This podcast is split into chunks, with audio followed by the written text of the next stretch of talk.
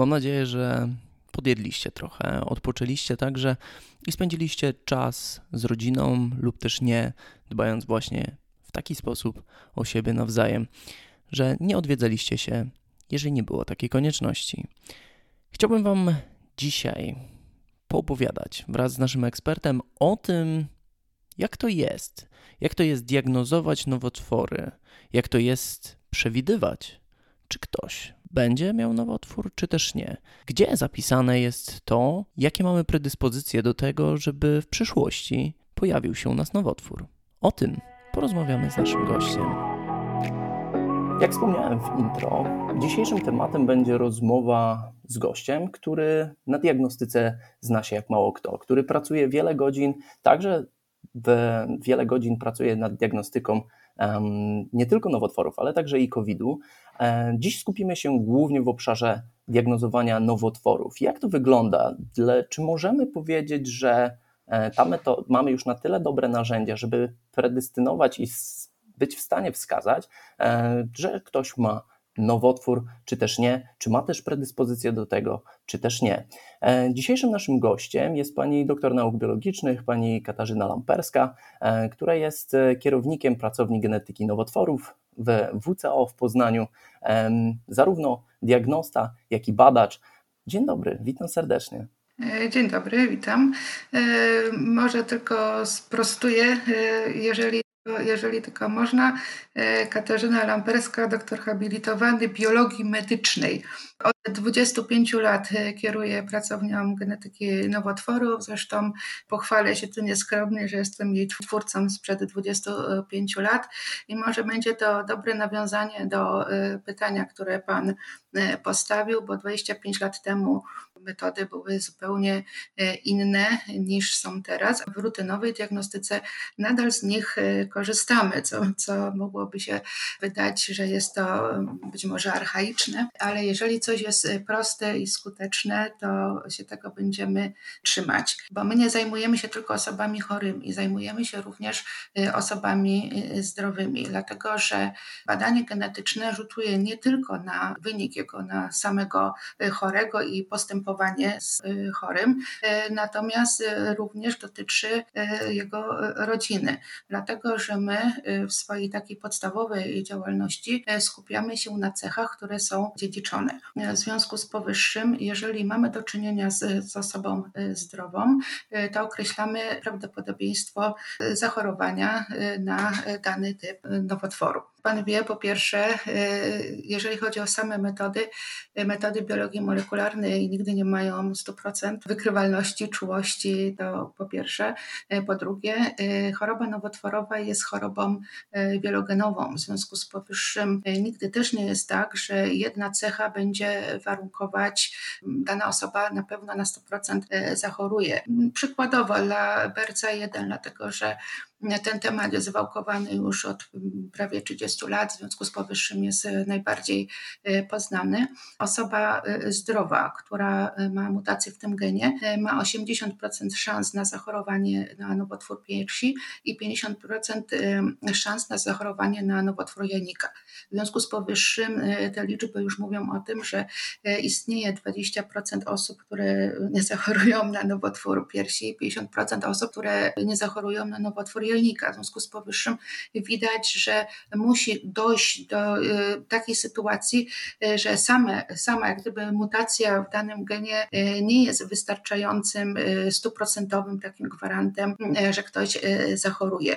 Ta sytuacja wygląda inaczej w przypadku osób chorych, mają zdiagnozowaną mutację genie BRCA1 bo to już z naszej, z mojej 25-letniej praktyki wiadomo, że prawie na 100% będą miały nowotwór drugiej piersi lub e, jajnika. Znam osoby, które e, mają nowotwór jajnika, nowotwór jednej piersi, nowotwór drugiej piersi, także nawet po, e, po 20 latach od zdiagnozowania te osoby zachorują. Czyli można powiedzieć, że jeżeli osoba już jest chora i diagnozuje mutację genie BRCA1, wtedy mamy prawie stuprocentową pewność, ta choroba będzie, będzie dotyczyć drugiej zdrowej piersi, jajników bądź obydwu tych narządów razem. No właśnie zaczęła Pani mówić od razu o konkretnych, czyli o genie BRCA1. Takich genów, takich genów, które predysponują nas do tego, żeby posiadać pewne nowotwory, jest zdecydowanie więcej. Czy może Pani uchylić rąbka tajemnicy, jak, czy są jeszcze jakieś takie markery biologii molekularnej, które wskazują na to, że mamy większe, większe szanse na zachorowanie na nowotwór? Jeżeli tak, to jaki nowotwór oczywiście? Bo to najczęściej idzie w parze dany gen z danym typem nowotworu. Nie jest to aż, te, aż tak do końca, jak pan teraz, jak pan teraz mówi jakie badanie będziemy, będziemy wykonywać, o tym decyduje genetyk kliniczny, ponieważ ja jestem specjalistą od laboratoryjnej diagnostyki genetycznej. Dlaczego genetyk kliniczny nam podpowiada, co my mamy badać? Dlatego, że już teraz y, wiadomo, że te nowotwory w tym y, wydaniu dziedzicznym układają się w tak zwane zespoły. To znaczy na podstawie zachorowań w rodzinie genetyk kliniczny y, układa drzewo rodowe. Na tym drzewie rodowym zaznacza to, na, co, y, na jaki nowotwór chorował i na tej podstawie, na, na podstawie spektrum tego nowotworu w, w rodzinie y, wyznacza zespół, który najprawdopodobniej w tej rodzinie, tej rodzinie jest i y, na tej podstawie do każdego zespołu jak gdyby przypisany y, jest y, gen lub grupa genów, które badamy. Przykładowo rodzinna polipowatość jelita grubego, tak zwany FAB, wtedy analizujemy gen APC. FAB jest dosyć prosty do zdiagnozowania również klinicznie, dlatego że to są tysiące polipów, które występują w jelicie grubym. Jeżeli klinicysta widzi coś takiego, to jest najprawdopodobniej związane e, z FAP-em. My taką analizę wtedy e, wykonujemy, dlatego że no już powiedzmy dla pacjenta to już e, ma powiedzmy małe znaczenie, dlatego, ale ma znaczenie dla rodziny. Odmianą raka jelita grubego jest HNPCC, czyli zespół Lyncha, czyli nowotwór, to jest niepolipowaty. Wtedy rutynowo trzy geny wchodzą w badanie MRH1, MSH2 i MSH6. Y, z tym, że od razu chciałam się wytłumaczyć, że dlaczego zaczęłam od BRCA1, a nie zaczęłam na przykład od zespołu Lyncha czy y, FAP-u. Klasyczny właśnie y, dziedziczny rak piersi, piersi lubielników, bo oczywiście są rodziny, gdzie te nowotwory występują, natomiast mutacji w genie BRCA1, który my badamy, nie ma. To już po 25 latach mogę Panu powiedzieć, że w przypadku zespołu na przykład Lyncha, e, mutacje w genach, czyli MLH1, MSH2 czy MSH6, one występują e, na poziomie 5-6%. Więc je, je się diagnozuje oczywiście, natomiast jak widać ten procent tak, tak zwanych mutantów jest bardzo, bardzo niski. Wróćmy teraz troszeczkę do historii. Mianowicie, no, pani tutaj e, mówi o tym, że od 25 lat pani diagnozuje nowotwory. Niejako zabrała się pani za coś, co wcześniej było bardzo nieznane i było, że tak powiem, trochę kroczeniem we mgle. Pani przecierała te szlaki i zaczęła oświetlać tę drogę do tego, żeby właśnie móc diagnozować nowotwory. Jak to wyglądało w przeszłości? Jak w momencie, kiedy zakładała Pani e, e, zakład, jak to wyglądało? Jakie były narzędzia? Jak Pani musiała e, ciężką drogę przejść? Czy może Pani uchylić takiej tajemni rąbka tajemnicy? Jak to się zmieniało i czym teraz dysponujemy tak na dobrą sprawę po tych 25 latach? Otóż, e, żeby e, prześledzić ten czynnik dziedziczny, to już wiadomo, że dotyczy to głównie osób, które zachorowały młodo. Jeżeli chodzi o tą młodość genetyczną, to tak średnio to, to prawie dla każdego typu nowotworu wynosi ona 55, około 55 lat. E, także ja jeszcze nawet jestem w tym ujęciu osobą e, młodą. E, a skąd się ta liczba pojawiła? Dlatego, że za tą granicą zaczynają się nowotwory, których jest więcej, których jest przeszło 90%, nie mają charakteru dziedzicznego, no, które, czyli powstają powiedzmy no, i zarówno z ogólnych predyspozycji dziedzicznych, których my nie badamy. Może 100 ludzi pracować w elektrowni atomowej, która się popsuła, zachoruje 99, jeden nie, bo ma taką predyspozycję. No też zależy to od stylu życia, od, no od tego wszystkiego, co powoduje, że na choroby nowotworowe E, zapadamy. E, natomiast przyjmuje się, że te wszystkie e, młodsze zachorowania spowodowane są przez czynnik dziedziczny, który my możemy badać, który właśnie, tak powiedzieliśmy już na wstępie, dla uproszczenia wiąże się z tą jedną cechą, którą, czyli występowaniem mutacji w jednym genie, który my badamy. Dlaczego w jednym genie? Dlatego, że no, diagnostyka, żeby była skuteczna, łatwa i tak, y, no, ja też mam określony czas. Pacjentka młoda przychodzi y, do naszego szpitala, ma być operowana, trzymajmy się raka piersi, ze względów y, estetycznych, powiedzmy, i tak dalej, i tak dalej, wykonuje się operację oszczędzającą. W przypadku, jeżeli to jest mutantka, E, operacja oszczędzająca jest błędem w sztuce, jak już żeśmy e, powiedzieli, dlatego że ona w tym e, czasie zabiegu powinna mieć przeprowadzoną całkowitą mastektomię. Ponieważ ja mam wtedy bardzo mało czasu na, na wykonanie badania.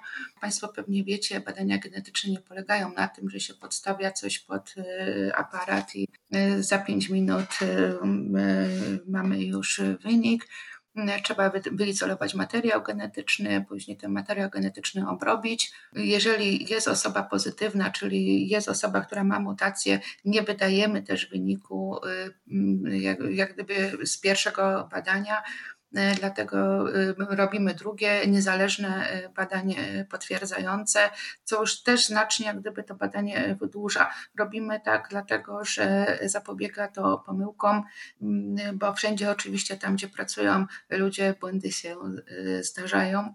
Jak zaczynałam, wykonujemy bardzo prosty test, e, to jest alelospecyficzna amplifikacja. To jest w zasadzie badanie, które można wykonać w jeden dzień. E, badamy wtedy trzy najczęściej występujące w populacji polskiej mm, mutacje w genie BRCA1. Wtedy badaliśmy teraz też, dlatego że to jest świetna przesiewówka. E, przyjmuje się, że 80-90% badanych e, ma mutacje, trzy takie miejsca są w genie BRCA1. W populacji polskiej tak jest. Teraz zmiana polega na tym, w podstawie samej charakterystyki, na przykład guza plus młody wiek plus parę tam innych y, czynników, można domniemywać, y, że taka y, osoba jednak tą mutację posiada. W związku z powyższym wtedy drążymy dalej, czyli badanie to, to najbardziej prymitywne jest negatywne, ta osoba nie ma mutacji, robimy wtedy tak zwany panel poszerzony, który obejmuje kolejne mutacje w genie BRCA1 y, i BRCA2. Y, panel poszerzony już robimy y, metodą, która się nazywa HRM. Są przypadki wyznaczone do NGS-u, czyli do sekwencjonowania następnej generacji. No to już jest takie naj, najbardziej dokładne badanie, bo wtedy jest sekwencjonowane są całe geny. Wtedy zdecydowanie najwięcej możemy powiedzieć, bo dosłownie wiemy, znamy każdą literkę kodującą nasze ciało, no i wiemy do czego szukać, ale no tutaj wchodzimy już wtedy w obszar tej bioinformatyki, która jakby nie patrzeć od kilku kilkunastu lat zyskuje na popularności wraz właśnie z wejściem techniki NGS, czy sekwencjonowania nowej czy następnej generacji, e, z pewnością to, to się rozwija. E, ja mam pytanie, bo powiedziała Pani, że są standardy, które, o których mówi Pani, że są standardami polskimi, czyli właśnie diagnozowanie to przesiewowe dla genów BRCA1 e, czy BRCA2. Czy te standardy są inne w innych krajach? Ma Pani taką wiedzę? Czy, czy, czy my ma, jesteśmy osobliwością pewną, że tylko ten gen diagnozujemy? Kryteria klasyfikacji, których y, kwalifikuje się pacjentów y, na badanie genetyczne, to takie zasady światowe. To, to nie jest to, że my mamy y, jakieś swoje własne polskie.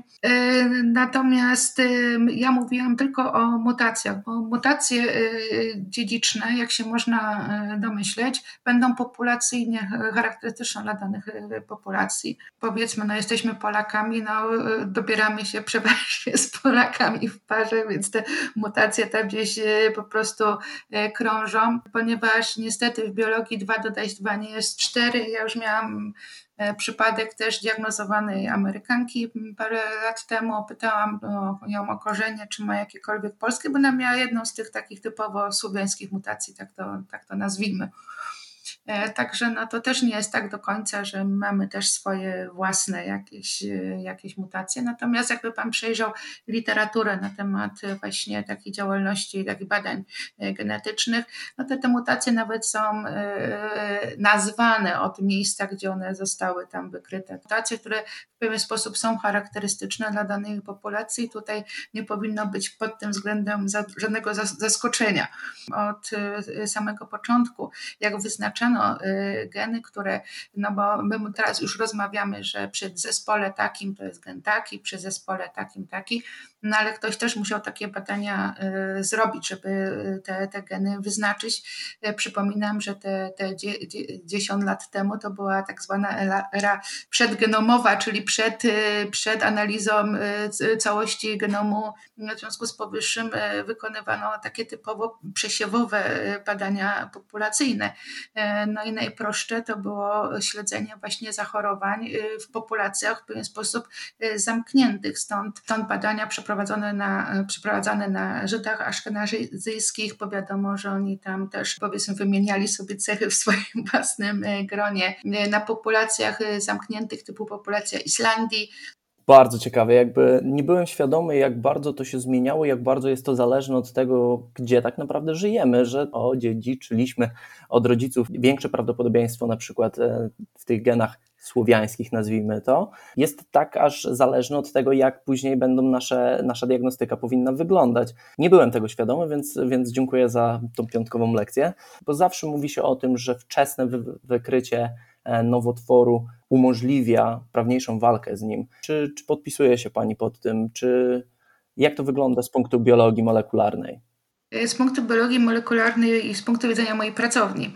E, wygląda to w ten sposób, że od 2003 roku w tak, zwanym, e, w tak zwanych programach ministerialnych opieki nad rodzinami wysokiego ryzyka to jest świetny program, to jest chyba jedyna świetna rzecz, którą nasze ministerstwo mm, wygenerowało, stworzyło. E, program polega na tym, e, że jak sama nazwa wskazuje, jest opieką nad rodzinami. Przede wszystkim no tutaj te rodziny to kwalifikuje y, genetyk kliniczny, dlatego że ja jako biolog w zasadzie nie rozmawiam z pacjentami. Pacjent zaczyna się u mnie od probówki. także, także te wszystkie wywiady, analizy y, rodowodowe przeprowadza genetyk kliniczny. I teraz tak, jeżeli w, w danej rodzinie jest stwierdzona mutacja, te osoby, zarówno chore, jak i zdrowe, przyjeżdżają do nas dwa razy do roku na badania profilaktyczne. My mamy to tak zorganizowane, że to są soboty, dlatego że no, pacjenci mają ten czas wtedy dla siebie. Znaczy dla nich jest te, te, ten czas. I w jednym dniu mają zrobione oznaczanie e, markerów e, w laboratorium, e, mają wykonane badanie ginekologiczne kobiety, no i mają również USG. Opcjonalnie przy kolejnych tam wizytach jest mammografia, rezonans, to te, te zasady zresztą tego programu się y, tam co edycja się, się zmieniają, więc tutaj może nie będę y, szczegółowo o tym mówić. Natomiast z naszych doświadczeń wynika, że, bo my się później też oczywiście sprawozdajemy, że rocznie my tych nowotworów y, takich w stadium takim zupełnie początkowym my jednak wykrywamy.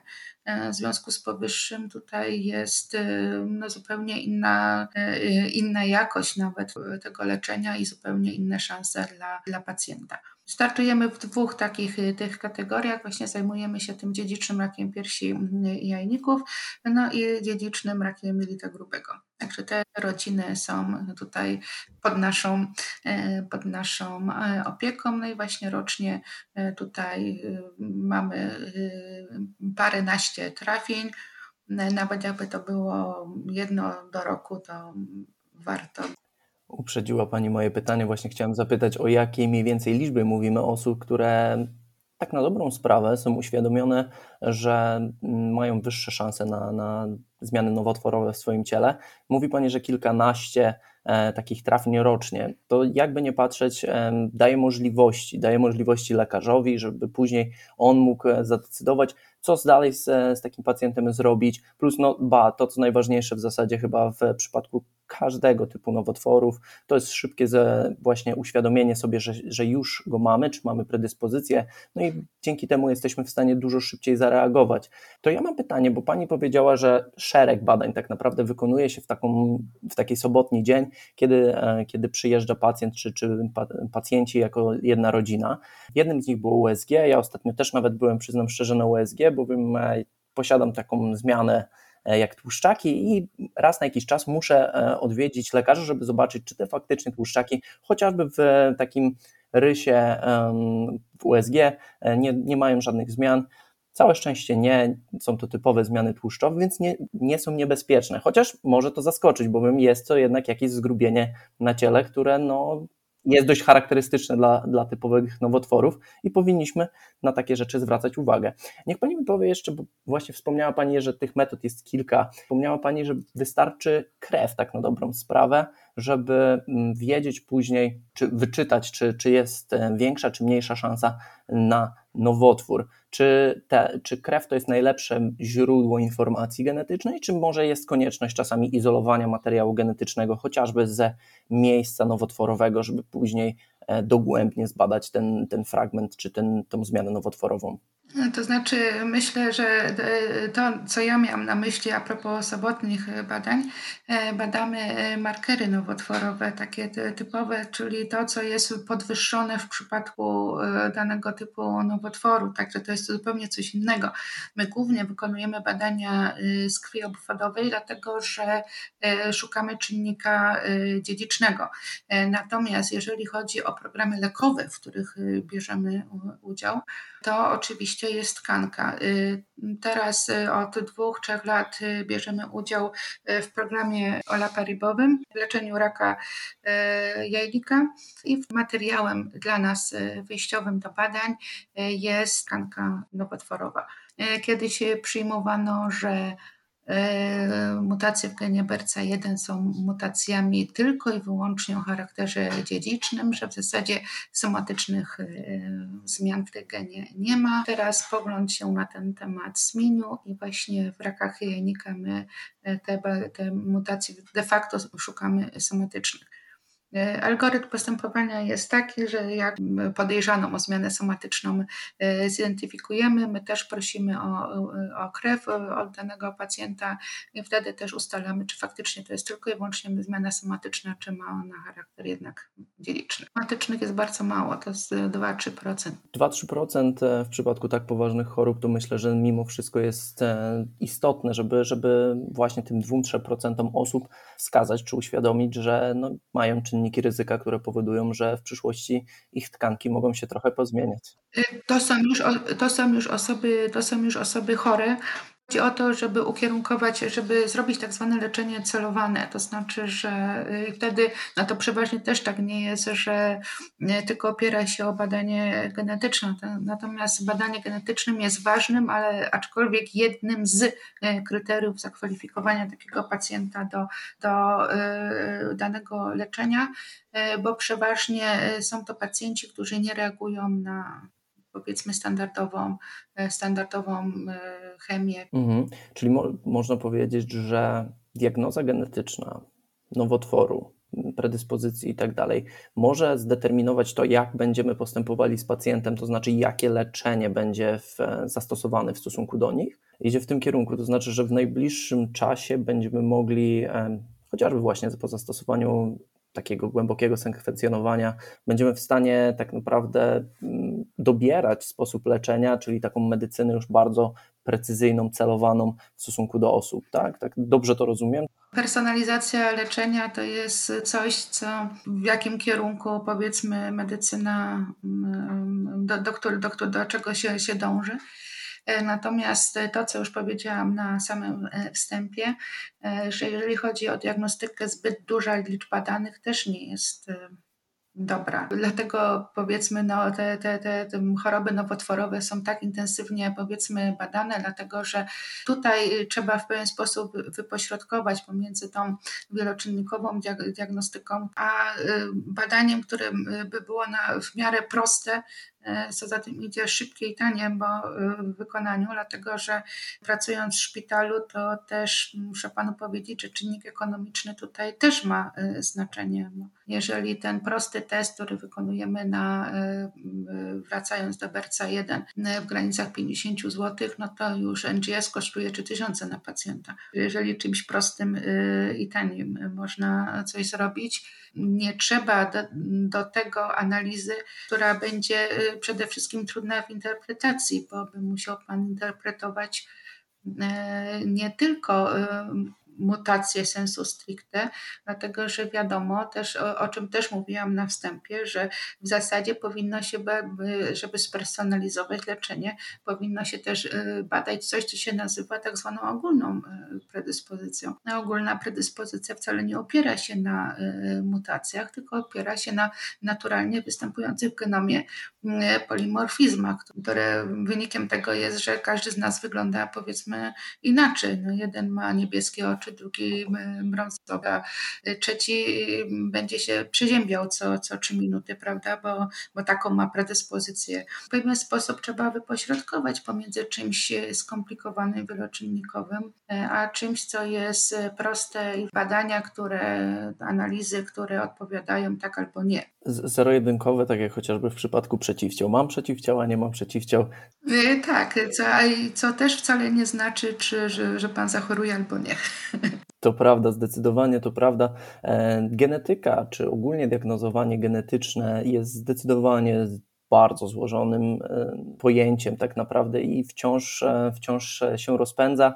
I faktycznie tutaj ten czynnik ekonomiczny, o którym Pani wspomniała, no jest pewnie kluczowy dla większości osób. Po pierwsze, nie każdy jest chętny, żeby wyłożyć nawet czasami prywatnie taką kwotę, żeby, żeby się dowiedzieć czegoś o sobie, ale mm, no właśnie, chociażby państwo też nie jest chwilowo w stanie na pewno wspierać każdego, nie jestem w stanie sobie wyobrazić, jakie to pieniądze byłyby potrzebne, żeby zdiagnozować tak każdego na przykład człowieka i poddać sekwencjonowaniu. Ja mam jeszcze pytanie, bo Pani także poza tą częścią diagnostyczną zajmuje się w dużej mierze też częścią naukową. Nie mam bladego pojęcia, jak Pani łączy te dwie rzeczy, ale za to, za to wielkie szapoba. Mianowicie czytałem, że e, zajmuje się Pani, bada wpływ ekspresji mi-RNA na radiowrażliwość komórek języka i DNA. Czyli co Pani robi w zasadzie? Do czego to zmierza e, i jak, jak, na jakie pytania stara się Pani odpowiedzieć, właśnie podejmując taką tematykę badawczą?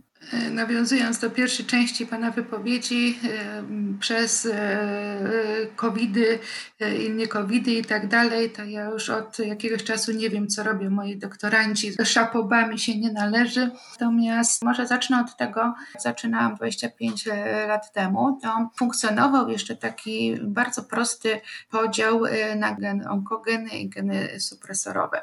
No, onkogeny to są takie geny, które można powiedzieć, które y, biorą udział w przekazaniu sygnału, w takich procesach innymi jak proliferacja i tak. Natomiast geny supresorowe to są głównie te, które kodują inhibitory właśnie podziałów, geny naprawy DNA, Czyli można powiedzieć, że i wtedy jeszcze funkcjonowała tak zwana y, teoria podwójnego uderzenia, y, czyli osoba, która ma nowotwór, to ma y, zmianę w onkogenie i w genie supresorowym, co takim obrazowym zawsze porównaniem było, że to jest taka jazda na pełnym gazie bez hamulców, dlatego że ten gen supresorowy jest wyłączony, prawda?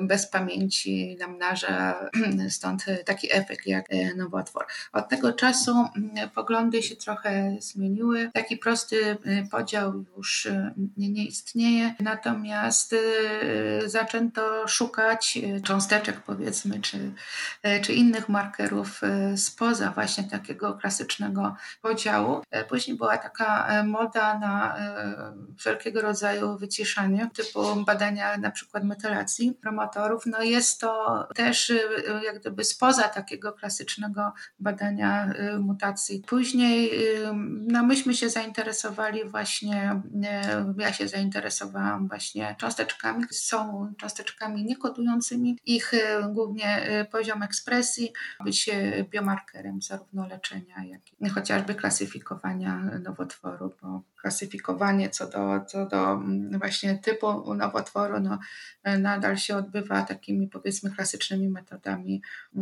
histopatologicznymi. A tutaj można by było też ewentualnie pomyśleć o prostym narzędziu genetycznym. Tak jak już też powiedziałam na wstępie, choroba nowotworowa jest na tyle trudna do rozgryzienia, że nie jest to choroba jednogenowa, tak jak mamy w przypadku na przykład tych dziedzicznych chorób metabolicznych albo tam powiedzmy innych, gdzie się możemy z całą pewnością skupić na czymś jednym, a tutaj tak nie jest. Głos, sama tkanka nowotworowa wcale nie jest homogenna, jest też heterogenna, to mnie nie wszystkie na przykład komórki posiadają mutacje w czymś tam albo czymś innym. Jak gdyby zmiany w tych różnych genach, w, w układzie ekspresji różnych cząstek powodują ten sam efekt, to znaczy porównując ten sam nowotwór u, u dwóch różnych osób, to możemy mieć zupełnie do czynienia z zupełnie innymi zmianami. W pewien sposób, y, powiedzmy, intelektualny jest to trudny problem, problem, problem do y, rozwiązania.